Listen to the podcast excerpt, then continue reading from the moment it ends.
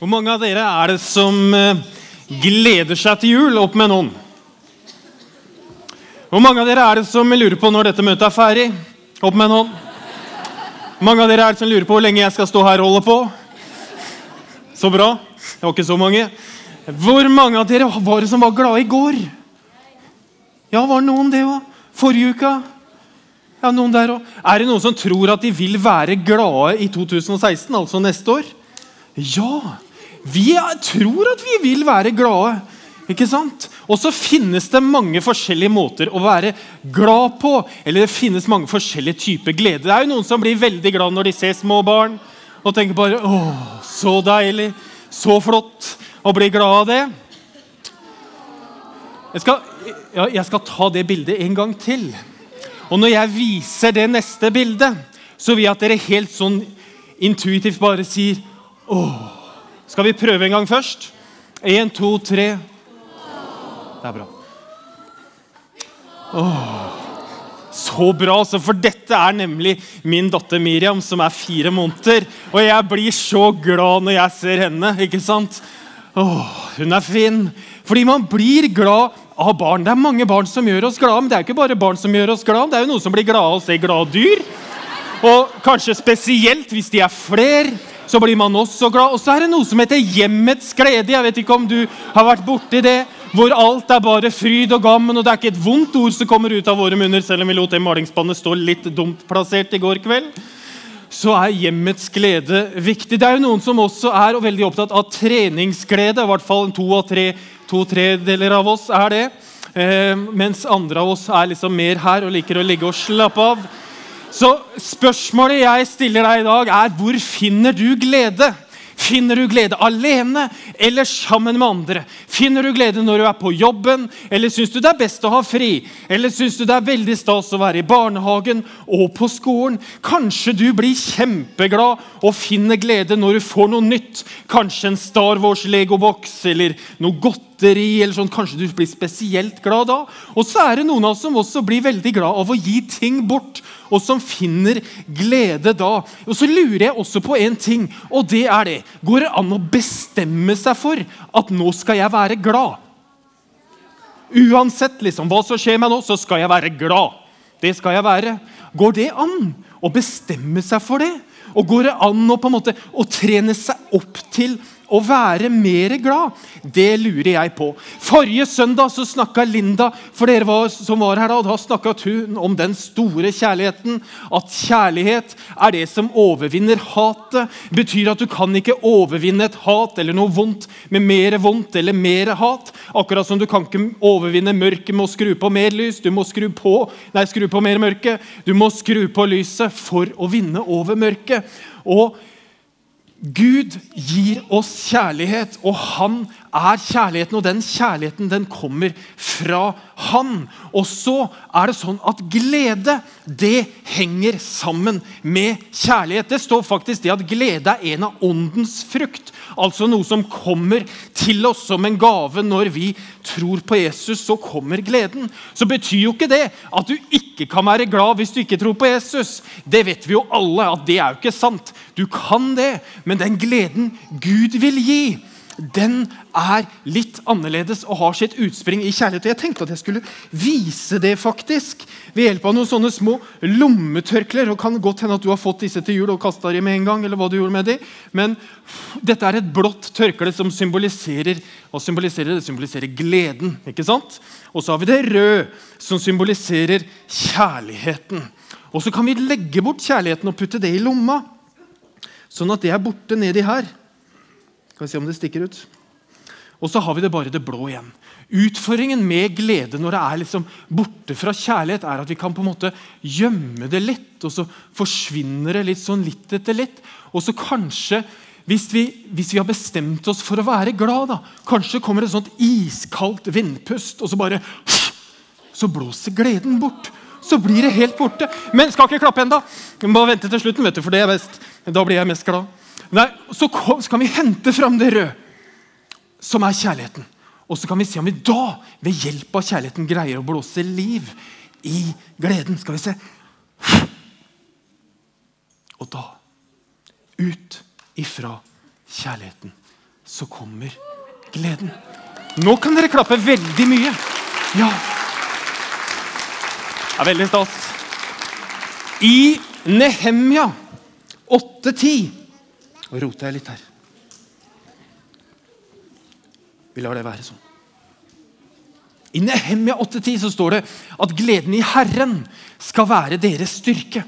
Altså det som holder oss oppe i vanskelige tider. Det er gleden i Herren. og Det betyr at vi kan hente ut en glede fra noe på utsida oss selv når ting er vanskelig, når vi trenger styrke. Og Det betyr igjen da, at vår styrke ikke nødvendigvis bare skal være det vi får til, eller det vi klarer å kjøpe, eller det vi klarer å skjerpe oss til. Nei, gleden i Herren skal være vår styrke. Og så er jo ikke alltid det like lett. sant? Det er veldig ofte som jeg ikke helt klarer å være glad. Det er veldig mange ganger hvor jeg sliter med å finne gleden. Og I perioder i livet så kan det være ganske fjernt med denne gleden. Men så har jeg opplevd mange ganger at den gleden Gud vil gi oss, den er annerledes enn den materielle gleden. Og den er annerledes enn det jeg selv klarer å mobilisere. Og det er mange her som har erfart det. At Gud er nær. Midt i det vanskelige, midt i all bekymring, så kan han være nær i våre liv og gi oss glede. Noen ganger så har jeg tenkt Hadde jeg bare hatt det du har, liksom, så hadde alt vært topp. Hadde jeg hatt litt større sparegris, hadde jeg hatt en bedre jobb, hadde jeg hatt kanskje en bedre kone er kanskje litt dumt å si. Hadde jeg hatt en bedre svigermor, det er lov å si. Så, hadde, så hadde, hadde, jeg hatt det du har, som jeg ser du har, da hadde alt vært bra. Da hadde jo alt funka fint. Da hadde jeg ikke hatt noen problemer eller bekymringer. hvis jeg hadde hatt det du har. Problemet når vi sammenligner oss med andre, er at jeg sammenligner min innside med andres utside. Og da blir det da, det funker ikke, det. Da blir det dårlig. Men det fins en bedre måte enn å sammenligne vår egen innside med andres utside. Dette er Dødehavet i et sånt panoramabilde. Og Dødehavet er kjent som det laveste punktet på jorda. Akkurat nå så er det 410 meter under havoverflaten. Historisk sett så har det ligget på rundt 395, men nå er det 410. Hvorfor heter Dødehavet Dødehavet? Jo, fordi det er helt dødt der. Det er ikke noe liv. Det er 30% salt. Det er jo derfor man kan flyte og bade i det. Men det finnes ikke liv i Dødehavet. Det er helt dødt. Og hvorfor er det det? Jo, fordi det kommer bare vann inn. I dag så ser Dødehavet sånn ut. Fordi det tørker ut. Det er så varmt der at det vannet som er, det eh, fordamper. Og så kommer det for lite vann. Faktisk er det så lite vann som kommer inn at Jordan og Israel har inngått en sånn internasjonal avtale for å lage en sånn kjemperørledning fra Rødehavet, som skal være 200 km lang, som skal føre havvann inn i Dødehavet for at det ikke krymper. Noen en kort stø, eller en, noen kilometer borte fra Dødehavet så ligger dette havet her, som heter Genesaretsjøen. Der er det grønt og frodig, og det er der Jesus gikk på vannet. og, og hvor han stilla stormen. og sånn, Det er på Genesaretsjøen. Og det er nesten som å være i Syden. Det er jo som å være i Syden. Det er fantastisk der. Og hva er det som er så spesielt med Genesaretsjøen? Det er at der kommer det vann inn, og så går det vann ut. Det kommer både vann inn, og så går det vann ut. Så det er liv i vannet. Det er bevegelse i vannet. Hvis du ikke finner en måte å gi av deg selv, så vil du risikere å bli som Dødehavet. Hvis du bare tar imot og tar imot og tar imot, så vil du krympe og bli mindre og mindre og mindre. Mer egoistisk, mer selvsentrert. Hvis du bare tar imot. Og er det sånn at hvis du vil blomstre og oppleve lykke og glede, så må du gi av deg selv. Så må du finne en måte å tjene andre på. Fordi du er skapt for mer enn deg. Selvopptatthet og egoisme det kommer jo helt naturlig. Det kommer jo helt av seg selv. Det er ingen av oss som trenger å jobbe for å bli mer egoistiske. Men du er skapt til å spre glede i kjærlighet til andre. For gleden i Herren skal være din styrke. Og Da er ikke livet bare et liv hvor vi bare får og får og får. og får. Men det er også et liv hvor vi kan være med på å gi og gi det videre. I Lukas 2,10 så står det når engelen kom til disse gjeterne på marken og de ble kjemperedde, så sa hun eller hun eller han, frykt ikke, se jeg forkynner dere en stor glede. En glede for hele folket. Den gleden Gud gir, den er ikke bare for deg. Det er klart den er for deg, men den er for alle.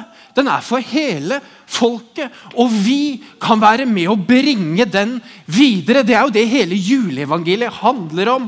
At Gud, som er livets giver, kommer ned til oss og gir det beste han har, sin sønn Jesus Kristus, for at vi skal tro på han og leve med han i all evighet. Og så kan vi være med å bringe det videre, dere. Det er julebudskapet. Så hva er den bedre måten enn å se på andre for å finne glede? Den bedre måten er å finne en måte å gi deg selv bort på. Og gi deg selv videre. En glede for hele folket som vil velsigne de rundt deg. Gud velsigne deg. Amen.